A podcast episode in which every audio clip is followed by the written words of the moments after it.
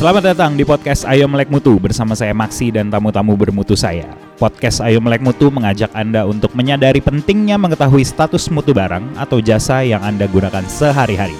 Podcast ini dipersembahkan oleh Mutu Internasional, perusahaan yang bergerak di bidang sertifikasi, pengujian, serta inspeksi barang dan jasa.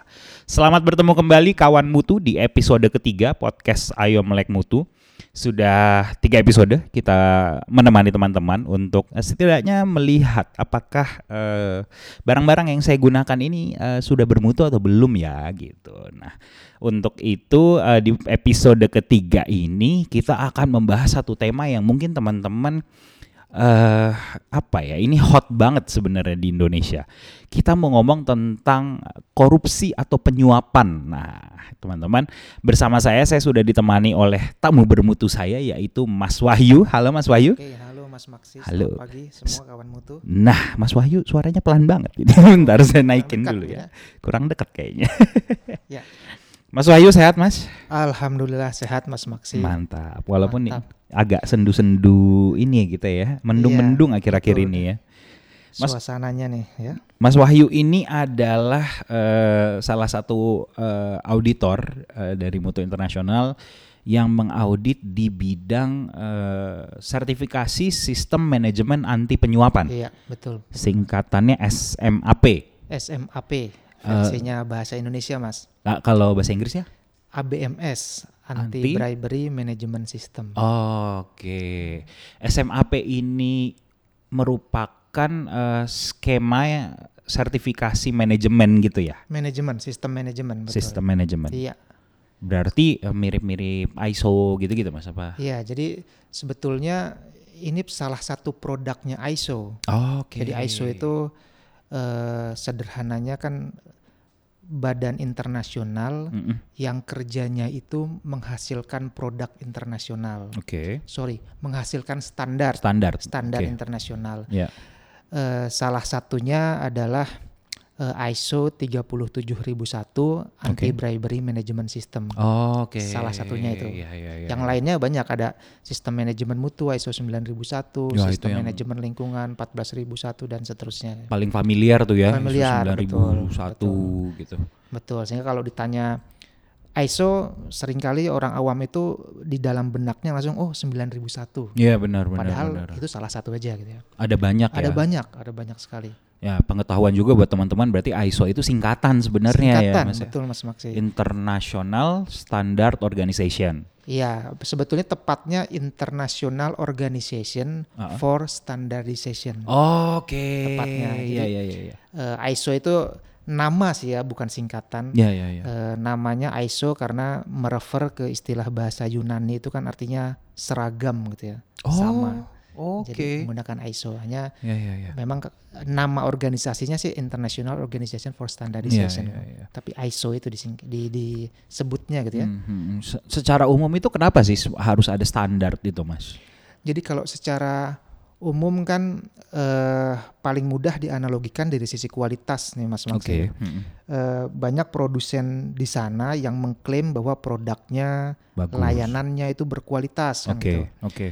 Uh, Sementara uh, definisi kualitas itu kan bisa macam-macam nih dalam hmm, benak setiap orang. Yeah. Ya. Uh, nah di publik sana uh, perlu ada apa ya artinya kalau satu produsen mengklaim oh produk saya nih berkualitas Ber, uh, uh, nah, bisa saja kan itu hanya klaim sepihak betul, padahal betul. ya tidak juga kan itu betul betul sehingga perlu ada satu acuan hmm, yang sama gitu ya yang yeah, disepakati yeah, yeah secara internasional terhadap kualitas tadi maka hmm. muncul ada standar uh, sistem manajemen mutu ISO hmm. 9001 yeah, yeah, yeah. sehingga ketika orang produk saya sudah berkualitas nih karena prosesnya uh, sistemnya sudah merefer ke sistem manajemen mutu ISO 9001 hmm. nah tanpa hmm. orang harus bertanya lebih lanjut publik sudah tahu oh ISO 9001 yang seperti ini nih hmm. jadi tidak tidak perlu menjelaskan lagi lebih yeah, iya. panjang yeah. gitu. Jadi bagus itu sama semua jadi sama standarnya semua. ya.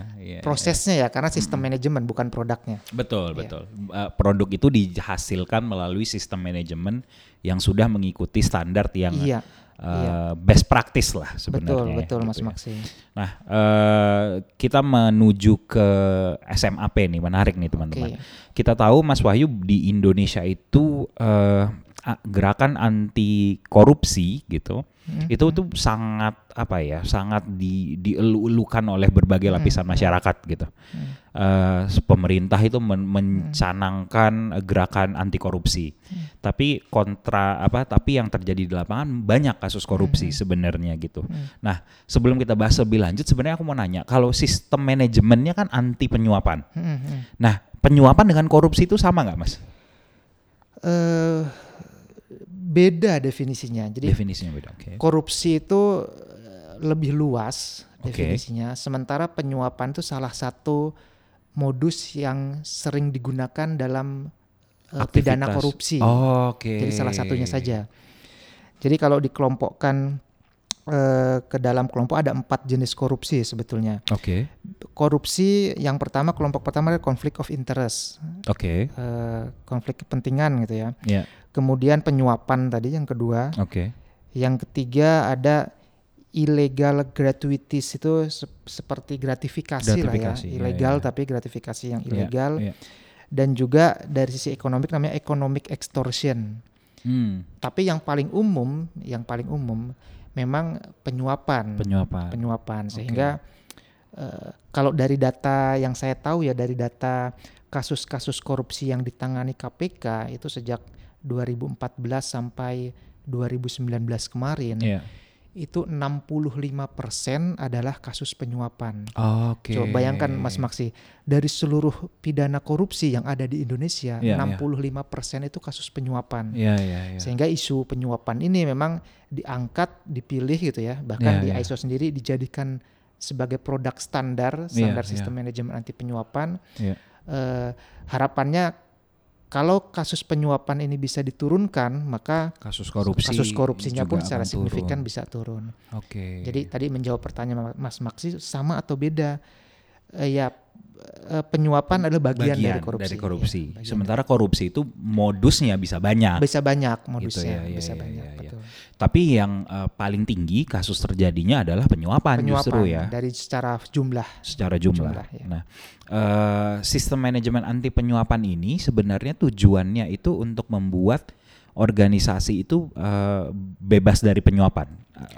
Eh tidak juga. Oke. Tujuannya ke sana. tujuannya ke sana. Tujuannya ke sana. Artinya eh, di dalam sistem manajemen penyuapan eh, ISO 37001 itu Iya. memang ada beberapa aspek yang dilihat. Pertama dari aspek eh prosedurnya, Oke. prosedur instrumennya katakanlah Iya. ya instrumennya. Kemudian dari aspek eh, struktur tata kelolanya, Oke. jadi dari aspek struktur organisasinya nanti akan ada fungsi kepatuhan anti penyuapan, ada audit iya. internal, Iya. top manajemen juga. Dan satu lagi dari sisi eh, apa integritas personalnya yang dibangun. Oke. Jadi sistemnya untuk menutupi celah-celah kesempatan gitu Iya. kan. Kemudian komitmen manajemennya Iya. juga ada Iya. struktur eh, struktur yang harus dibentuk dan terakhir adalah integritas personilnya. Hmm, Karena iya, kan iya.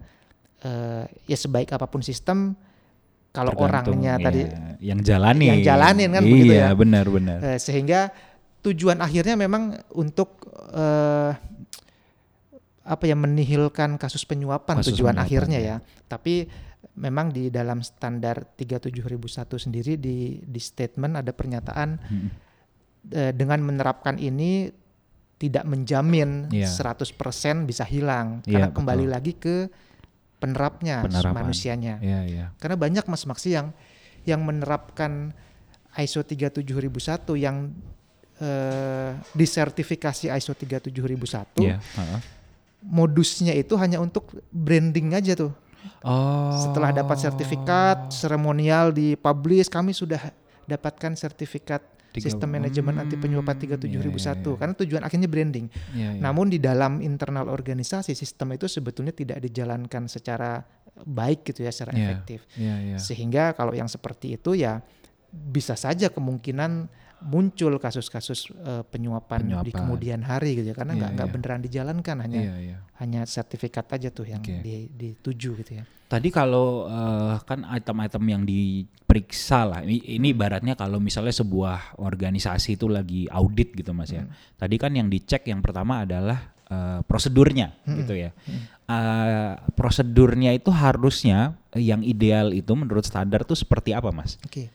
Jadi ada eh, beberapa prosedur yang memang perlu dibuat Oke. eh, menurut standar ISO 37001. Iya. Jadi eh, organisasi apa pun yang ingin menerapkan ISO 37001 dia harus buat beberapa prosedur yang Oke. sudah disyaratkan. Iya. Misalnya yang pertama adalah eh, prosedur whistleblowing system gitu ya. Oh iya iya iya. iya, Jadi iya, iya. ya dia harus punya tuh harus buat bagaimana sih eh, prosedur mekanisme kalau ada eh, orang indikasi indikasi yang tahu, iya, ya. iya, iya. yang tahu nih uh teman saya Kayaknya, kayaknya nih, gitu, ya, kan ya, kayaknya benar. nih menerima suap nih kan gitu kan. Ah iya iya. Nah, iya. Harus ada mekanisme prosedur yang eh, mem- apa ya yang membuat agar Heeh. orang yang peduli terhadap itu bisa melapor gitu kan. Ah, Melapornya ke mana, via apa gitu Oke. kan. Nah itu harus diatur. Nah termasuk di dalam prosedur ini juga harus ada jaminan perlindungan si pelapornya tadi tuh. Whistleblowernya. Ya whistleblowernya. Iya iya iya. Jadi iya. harus diatur tuh jaminan perlindungannya apa yang menjamin dia jangan sampai malah ada tindakan balasan. Iya benar benar. jangan benar. sampai setelah melapor loh kok malah saya nih yang di di dimutasikan ke Iya, tempat iya. yang rupanya yang di, gitu kan. Nah, yang dilaporin ini juga. iya yang dulu. Nah, jadi itu harus ada dibuatkan secara tertulis Oke, oke. aturan-aturan itu. Oke. Itu prosedur whistleblowing system. Kemudian ada prosedur uji kelayakan, Heeh. ada prosedur audit internal, prosedur investigasi. Jadi ada Hmm, beberapa eh, prosedur memang yang perlu dibuat. Hmm, hmm, hmm. Kalau yang tadi whistleblower itu biasanya praktisnya di lapangan itu mereka bikinnya seperti apa, Mas? Jadi Kotak Eh, saran atau lapor ke HR apa gimana itu biasanya? kalau kot- kotak saran itu yang yang paling sederhana gitu ya. Heeh. Tapi menurut saya sih tidak efektif juga Hmm, kalau iya, kotak iya, iya. saran karena saya pernah melihat ada kotak saran sudah disediakan di satu tempat gitu Iya, ya. iya. Tapi eh, tempatnya itu artinya dengan lokasinya itu memungkinkan orang yang masukkan Hmm. Whistleblowernya ya itu kelihatan gitu, ketahuan gitu atau ada CCTV-nya gitu kan. Iya iya iya. Nah, itu kan iya, jadi iya. asas-asas kerahasiaan pelapor itu Iya, tidak iya, terjamin iya, di situ. Jadi yang paling eh, baik adalah eh, saluran pelaporannya menggunakan yang online gitu ya, aplikasi Oh. sehingga di mana pun bisa Anonim. diakses. Anonim ya. Bahkan di standar 37001 prosedur whistleblowernya itu memang harus memungkinkan anonim gitu ya. Oh, Oke. Jadi boleh tuh lapor anonim Iya iya iya. eh, sehingga sisi kerahasiaannya gitu ya Iya, itu iya, terjamin. Iya iya iya. iya. Itu yang kalau whistleblowing. itu whistle whistleblowing dan Hmm. eh, kalau misalnya em, kerahasiaan itu biasanya mereka lembaga-lembaga yang biasanya selama ini sertifikasi mereka menerapkan hal itu biasanya. Harus, harus Mas Harus Maksi. Jadi kalau eh, tidak mereka belum punya Ya ya eh, prosedur whistleblowing system, ya ya. eh, media lap- pelaporannya belum disediakan ya, maka salah satu persyaratan di ISO 37001 Nggak tidak ini, terpenuhi, nggak comply, nggak ya, ya, comply, ya, ya, jadi ya. bisa fail eh, proses Proses sertifikasinya. sertifikasi. Tapi kan tuh masyarakat Indonesia tuh kan kulturnya kan timur ke masyarakat apa Hmm. kekeluargaan Iya, gitu iya. ya Mas ya. Tapi eh, nggak tahu apakah dari pengalaman-pengalaman itu sebenarnya eh, bisa ada kejadian yang whistleblowernya itu eh, mereka Oke. me- melakukan tugasnya gitu Iya, misalnya. Ini eh, menarik memang Mas, Mas Maksi. Jadi Heeh. eh, kasus penyuapan, gitu ya. kasus Iya. penyuapan itu kan pasti ada dua pihak nih. Betul. Nggak mungkin satu It pihak takes kan. two to tango. Ya, Iya, kayak betul. tepuk tangan. Kalau Iya. tangannya cuma satu kan Bertepuk bunyi sebelah kan. tangan. Nggak- Nggak bunyi kan Iya, tepukannya. benar, benar, Harus benar. ada pasangannya tuh supaya bunyi. Sama dengan kasus penyuapan, harus ada dua pihak. Nah, eh, yang membuat sulit kasus penyuapan itu terungkap Ya. adalah karena dua-duanya ini senang gitu kan. Oke. Ya, Dua-duanya ini sama-sama terfasilitasi kepentingannya. Betul, betul. Yang disuap dapat keuntungan finansial Iya. kalau suapnya uang gitu Kalau, ya. uh, Yang menyuap ya kepentingannya terakomodir. iya, Jadi sama-sama itu. suka nih. Iya, iya, iya. Jadi nggak mungkin dia lapor sukarela gitu kan. Iya, jodoh, jodoh ini. Maka adanya whistleblowing system ini harapannya bisa mendeteksi tadi. Oke. Nah, bahkan eh, kalau tidak salah ya, sebagian besar kasus penyuapan yang terungkap Uh, itu melalui Whistleblower. whistleblowing system ya. Iya, iya, melalui iya. ada yang melaporkan Iya, gitu. Itu iya. sebagian besar. Iya. Sehingga indikasi awalnya karena dilaporkan oh ada nih sudah ketahuan. Tinggal momennya saja ditunggu untuk dilakukan OTT kalau KPK, gitu KPK, ya. iya, iya, iya, Gitu. benar, Jadi benar. sebagian besar memang dari pelaporan Mas Maksi. Makanya itu yang jadi penekanan ya dalam dalam apa cara mengatasi salah satunya gitu ya. Iya, iya. Adalah- Salah satu instrumennya WBS tadi. Whistleblower tadi ya Whistleblower gitu ya. Oke, lalu poin kedua tadi yang diperiksa adalah eh, komitmen dari manajemen ya, Pak. Iya, betul. Nah, itu tuh implementasinya gimana di lapangan sebenarnya? Jadi eh, komitmen manajemen ini jadi eh, penting sekali di dalam Iya. penerapan sistem manajemen anti penyuapan gitu ya. Iya. Eh, dan komitmen manajemen tuh harus ditunjukkan secara visual nih. Oke. Jadi nggak cuman komat kamit aja kan Iya, pimpinannya di gitu. ya. pidato atau apa pidato gitu atau ya. apa itu nggak cukup. Jadi Oke. harus ditunjukkan secara nyata Oke. evidence buktinya dan bisa dilihat secara visual kehadiran Oh, komitmennya itu. Oke, oke, oke. Nah umumnya eh, penerapannya adalah eh, ya top manajemen akan membuat satu policy. Oke. Polisinya itu secara jelas harus menyatakan melarang tindakan penyuapan dalam bentuk Hmm, apa pun. gitu ya. Oke, oke, oke. Dan juga polisinya itu eh, pelarangan tindakan penyuapan itu harus di atas prioritas dari benefit dari Mhm. profit ya. Mhm. Kalau kalau perusahaan kan corporate financial profit Betul. pastinya. Betul. Walaupun kegiatan-kegiatan menghasilkan profit finansial, tapi Iya. kalau dilakukan dengan cara-cara yang melanggar kebijakan anti penyuapan itu tidak tidak boleh. Oh. Jadi top manajemen harus menyampaikan itu secara jelas gitu ya. Iya, iya, iya, Artinya di iya. dalam polisinya harus melarang tin- eh, siapa pun untuk melakukan eh, penyuapan atau Penyuapan. menerima penyuapan. Iya, iya. Itu contoh yang pertama gitu ya. Iya, iya. Polisinya tadi harus dibuat tertulis, desain oleh beliau gitu ya. Iya, iya. Kemudian dia juga harus eh, membuat struktur-struktur organisasi Nah, di bawahnya nih. ya. Hmm, hmm. Ada fungsi kepatuhan anti penyuapan, dia harus buat tuh strukturnya. Oh, ada compliance ya? officer kalau kalau beberapa organisasi besar namanya gitu ya, compliance function ya, Iya, iya. fungsi compliance. Itu harus dibentuk secara independen, juga harus dibentuk audit internal Ah, ah, secara ah, ah. independen. Artinya struktur-strukturnya tuh dia harus bentuk juga. Si compliance officer ini tugasnya apa dia, Mas? Compliance officer itu ini salah satu fungsi sentral di di Oke. SMAP ya di Ah, ah. 37001. Jadi fungsi ini nanti yang memastikan seluruh sistem manajemen anti penyuapan ini bisa berjalan secara Oke. baik fungsi itu. Termasuk ketika ada pegawai-pegawai organisasi, personil organisasi yang dihadapkan pada situasi penyuapan tadi, Ya, ya, but- butuh konsultansi misalnya, Ah, ah. maka fungsi kepatuhan tadi bisa menjadi tempat konsultansi internalnya mereka. Oh, iya. Misalnya nih saya ad- kayaknya nih ada yang mau nyuap saya nih Iya, gitu. betul. Jadi saya curhatnya ke si Iya, officer untuk itu. memberikan advice gitu ya. Oke. Untuk memberikan saran. Ini ini ini nggak bisa ini masuknya ke penyuapan sehingga eh, tidak bisa dilakukan. Misalnya ya, Iya, iya, iya.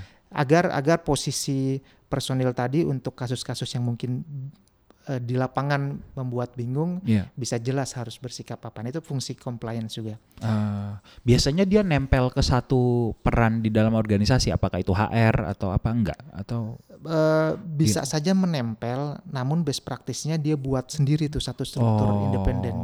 Jadi tidak iya, lang- iya, dia langsung ke top manajemen Oh, aksesnya. oke oke oke oke oke. Sehingga sehingga independen gitu ya. Ya ya ya ya ya, benar benar Oke. Lalu eh jadi kalau orang yang misalnya itu eh, kayaknya nih ada yang mau nyuap saya deh atau atau bingung mungkin ya. Hmm. Ini apakah oh, dikasih liburan nih? Apakah ini gratifikasi atau bukan gitu kan? Iya, apakah iya. penyuapan atau bukan gitu. Jadi dia bisa ngelihat di ngel- ngelapor ke si eh, compliance officer Iya, ini gitu. betul. Lalu kalau misalnya eh, si eh, si compliance officer ini juga bisa jadi whistleblower juga. bisa juga. Bisa juga. Siapa pun bisa jadi whistleblower. Oke, oke. Nah, tadi ada audit internal salah Iya, satunya iya. gitu. Audit internal ini apakah dia terpisah? Biasanya kan di perusahaan itu kan memang Hmm. ada divisi i- internal auditor Iya, gitu. Iya, betul. Apakah dia me- melekat atau ini berbeda dari yang Oke. itu? Jadi eh untuk organisasi yang kecil gitu, Iya. yang yang mungkin strukturnya kecil, jumlah personilnya terbatas, nggak Iya. banyak gitu ya. Eh, biasanya itu dia menempel sifatnya ad hoc. Ad hoc, oke. Ya, jadi menempel di fungsi-fungsi yang lain. Jadi Oke. tidak ada struktur tersendiri karena Oke. memang kecil organisasinya. Iya. Namun organisasi yang besar umumnya dia punya satu divisi, Iya. divisi audit internal yang Oke. sendiri gitu ya, dengan orang-orang yang memang dedicated di sana. Iya, benar. Eh, itu tergantung di di 37.000 status sendiri tidak diatur memang apakah ad hoc atau harus berdiri Ah, sendiri. Oke. Tapi yang jelas harus Ada. dipastikan independensinya juga nanti. Oh, Oke, ya ya ya ya. Eh, lalu di aspek ketiga tadi adalah penerapan eh, personal. Ya, ya. Nah, penerapan personal ini gimana ngeceknya, Pak? ya, jadi jadi ini sebetulnya sistem apa pun nih Mas Maksi, tidak Iya. hanya SMAP gitu, tidak hanya 37001, Iya. sistem manajemen mutu, lingkungan, K3 dan seterusnya. Iya. Eh, itu efektivitasnya tergantung kepada manusia yang Iya. menjalankan tadi yang sudah disinggung di awal. Mm, mm, mm. Jadi sistem manajemen ini kan hanya alat nih instrumen. Betul. Seperti kalau bertani kita pakai cangkul gitu kan ya, Hmm, pakai hmm, alat hmm. apa. Nah, se- secanggih apa pun instrumen, kalau orangnya yang yang menggunakan tadi itu nggak bisa atau bisa tapi nggak digunakan gitu ya Iya, instrumennya secara iya, iya. benar. Heeh. Nah, kan akhirnya tidak efektif alatnya Betul. eh, betul. berfungsi ya secara baik sesuai dengan tujuan alat itu diadakan. Heeh. Maka sisi manusianya pun ini harus disentuh nih. Mm-mm. Harus disentuh. Maksudnya disentuh adalah harus dibangkitkan kesadarannya, integritasnya. Hmm. Ya paling awal memang harus di, di- diberi pelatihan-pelatihan dulu gitu ya tentang Hah? apa itu suap, yang boleh yang ini yang seperti apa sih? Ah, Eh, iya, iya, iya. Karena begini Mas Maksi, definisi suap itu sudah umum kita pahami eh, tidak boleh dilarang. Iya, betul. Tapi ketika ada kasus-kasus di lapangan yang lebih detail lagi, Heeh. itu kadang membingungkan eh, eh, bagi pegawai ini sebetulnya masuk Suap definisi atau suap bukan? atau bukan gitu kan. Oh, contohnya yang contohnya- Mas. Contohnya misalkan eh ketika ada pegawai pemerintah pejabat publik katakanlah ya. Iya. heeh. Pejabat publik eh Oke, saya kasih dua contoh aja. Yang satu Iya. yang jelas suap, satu bukan. Betul. Oke. Misalkan ada ada manajer procurement di salah satu eh, Perusahaan. perusahaan. Iya. Kemudian ada calon vendor nih, Iya. calon vendor katakanlah Hmm. penyedia produk atau jasa. Iya. Nah, dia memberikan uang ke manajer procurement tadi. Mm-mm. Pak, Bu, ini saya saya eh, beri atau enggak uang lah katakanlah saya beli tiket ke Singapura nih gitu. Hmm, ya, ya. Tapi nanti mohon dibantu ya agar Iya. saya kabar kami bisa ditunjuk sebagai vendornya Iya. Bapak Ibu. gitu. Heeh, heeh. Ya itu suap jelas gitu. Heeh, jelas. Karena memberikan ada maksudnya disampaikan maksudnya tuh agar Betul. agar di eh, ditunjuk sebagai vendor itu Heeh, suap. heeh. Nah, yang kasus kedua ini yang membingungkan. Eh misalnya pejabat negara, katakanlah perusahaan tadi berinteraksi dengan pejabat publik, Oke. sering mengurus izin, izin Iya. usaha, izin izin apalah yang terkait dengan Iya, perizinan. gitu. Iya. Nah, ketika pejabat publik tadi punya hajat menikahkan anaknya misalnya. Oh, iya. Nah, kan kita karena sudah kenal gitu kan, dekat Heeh. gitu kan, bisa saja hadir ke undangan dengan memberikan eh, amplop. Iya, memberikan iya, amplop kan iya. umum nih. Iya, iya. Nah, iya. apalagi di kita gitu kalau ada yang iya. nikahan yang ngasih amplop kan umum. Benar. Nah, itu itu boleh atau tidak? Hmm. Nah, itu kan membingungkan nih. Iya, iya, ada yang iya, bilang oh iya, itu nggak iya. boleh karena itu nanti dikhawatirkan termasuk ke suap. Ada yang oh iya, boleh aja itu kan umum tuh. di luar di- ini juga di luar gitu ya, ini juga konteks gitu kan. kerjaan. Hmm, hmm, hmm. Nah, sementara ada aturannya, sebenarnya regulasi yang mengatur itu, memberikan, Hmm. iya, memberikan eh, semacam eh, apa ya uang saat saat prosesi hajatan ke pegawai publik ya, ke pejabat Oke. publik itu KPK sudah mengeluarkan aturannya. Oh, Oke. Nah, hal-hal seperti itu kan perlu ketahui juga oleh eh, personil organisasi tadi gitu ya. Hmm. Jangan sampai nanti kita niatnya tidak ada maksud apa-apa, tapi Iya. karena ada regulasinya malah terbentur Ter- regulasi, Oh. jadi kena undang-undang tipikor kan gitu kan. Iya iya iya malah malah sebenarnya eh, itu tadinya sih apa mungkin maksud orangnya bukan untuk me Maksudnya mungkin bukan ya, Iya iya iya. tapi iya. karena karena ada batasan nominalnya memang, ada batasan Oh, nominalnya harus oke. berapa. Kalau melebihi itu itu nggak boleh. eh, Iya, eh, iya, iya. ti- tidak boleh melebihi satu nominal batas nominal tertentu. Nah untuk mengetahui ini kan harus harus di- difahamkan nih Iya iya iya iya. eh, karyawannya, gitu ya, Iya. personil organisasinya harus diberi pelatihan tentang definisi-definisi tadi gitu ya, Betul betul. Agar nanti dia jelas bersikapnya harus bagaimana kalau dihadapkan pada situasi-situasi tertentu. Hmm, Nah, ini- itu contoh-contoh sederhana lah Iya iya. iya. eh, yang memang dalam menerapkan ini eh, selain dari prosedurnya dibuat, tapi Hmm. dari sisi sumber daya manusianya pun harus dibangun, diberi pelatihan, di Iya, iya, iya. di awareness ya, mindsetnya harus dirubah gitu Iya. sehingga eh, mereka akan betul-betul bisa menjalankan sistemnya secara konsisten, secara baik. Iya benar benar benar. Karena ternyata bisa apa ya? Kalau kegiatan penyuapan ini bisa dalam bukan hitam putih tapi bisa jadi abu-abu Bisa gitu jadi ya. abu-abu, betul Mas Maksi. Itu yang itu yang jangan sampai si dengan diimplementasi SMAP ini jangan sampai timbul kerugian di perusahaan misalnya dia oh ternyata terbentur sama aturan Iya, gitu ya. betul, betul. Betul maksudnya. Walaupun ada memang eh, ruang-ruang eh, yang memang masih memungkinkan gitu ya Hmm, untuk hmm, hmm. untuk tadi kalau memang niatnya ingin memberikan tadi Iya. eh, ada yang nikahan karena hubungannya kita sosial juga. Iya, iya. Itu ada ruang-ruang yang masih boleh, tapi kan harus tahu batasan-batasan. Iya gitu. Nah, itu memang perlu perlu dibangun tadi pemahaman tadi dengan eh, pelatihan Pelat- rutin tentang SWAP 37001, Iya, iya. aturan-aturan regulasi.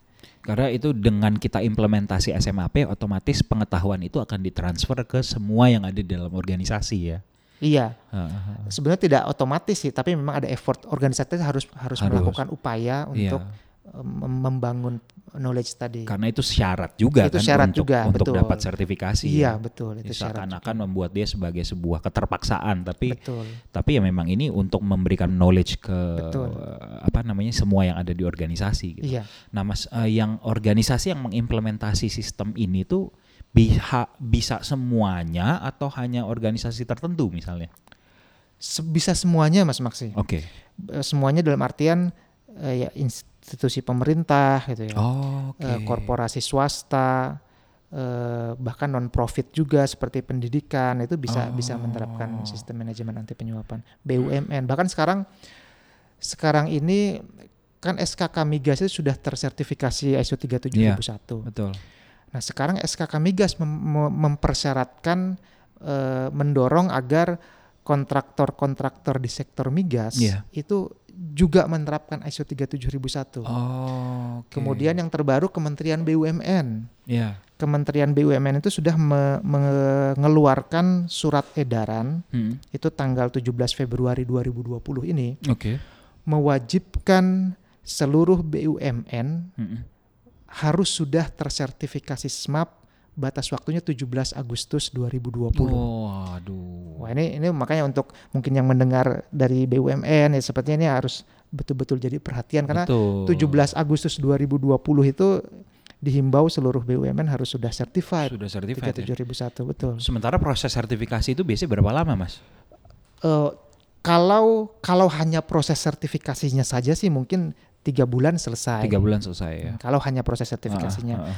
Namun untuk organisasi yang belum pertama kali, umumnya eh, dia harus Setup setup, setup ya. sistem dulu Iya, iya, ya, benar, setup benar, sistem. benar, Nah, setup benar. sistemnya itulah yang membutuhkan waktu lama. Benar, benar, Minimal benar. enam bulan lah Mas Maksi. Oh. Sehingga kalau tadi BUMN 17 Agustus sudah harus Nah, dari betul kan? sekarang. Betul. Itu enam bulan mepet. Makanya harus sudah dari sekarang mulai memang Iya, harus. iya, iya, Maka iya. siapa pun nanti yang yang mendengar ya di eh, podcast Melek Mutu kita ini ya, ya.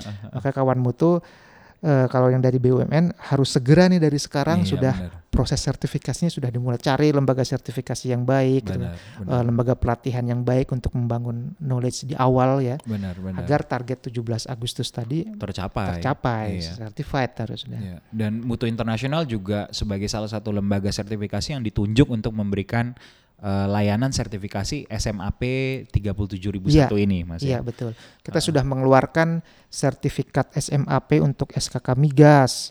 Iya. Kemudian untuk eh, ada tujuh pengadilan negeri di bawah Mahkamah Agung juga sudah kita Hmm, certified Iya, iya, iya.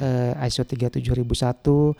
Kemudian di migas ada PetroChina ya. Iya, iya, iya. Eh, Baru beberapa pemerintah. diserahkan beberapa waktu yang lalu Iya, ya. kemarin penyerahannya seremonial baru kemarin Iya, iya, beberapa iya. hari yang lalu. Jadi sebenarnya sertifikasi ini em, sejalan dengan semangat anti korupsi yang ada di Indonesia. Iya, sangat Mas Maksi. Sangat ya. Sangat. Karena harapannya eh, semakin luas eh, organisasi yang menerapkan SMAP, SMAP, Iya. tidak hanya di institusi pemerintah ya, di korporasi swasta pun, Iya. maka kan akan semakin besar ekosistem yang menerapkan SMAP nih.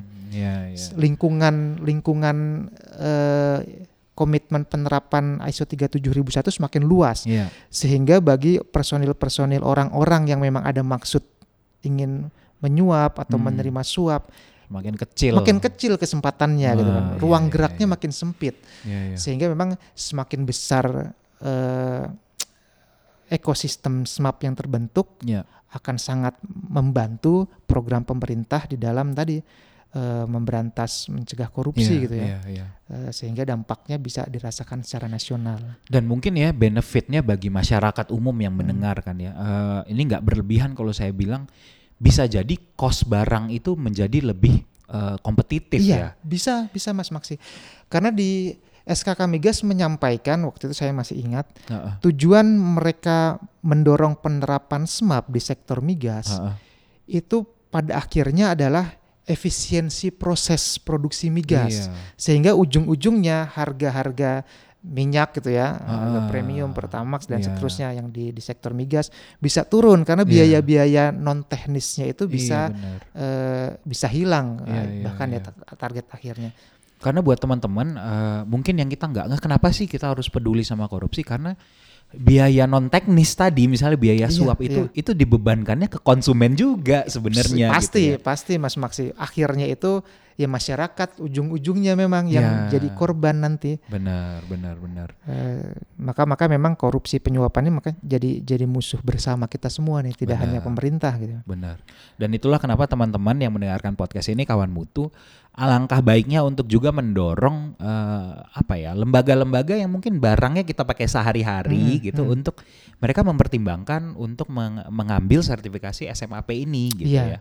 betul Karena pasti ada karena pasti ada cost-nya itu eh, Hmm. biaya non teknis yang dibebankan sama kita gitu. iya pasti Mas eh, Maksi Jadi biaya perizinan atau apa yang mungkin pakai pelicin atau pakai Iya, apa istilahnya gitu kan. Itu tuh kenanya ya ke kita-kita juga gitu iya teman-teman. betul betul Jadi eh, podcast kita ha- hari ini tuh berusaha mengingatkan teman-teman untuk hey bah- eh, ini semua tuh berkaitan loh dengan kita. Korupsi itu Hmm. tidak di ujung sana gitu. Tapi Iya. itu sebenarnya adalah ada di sekitar kita gitu dan Hmm. mungkin jangan-jangan kita salah satu pelakunya.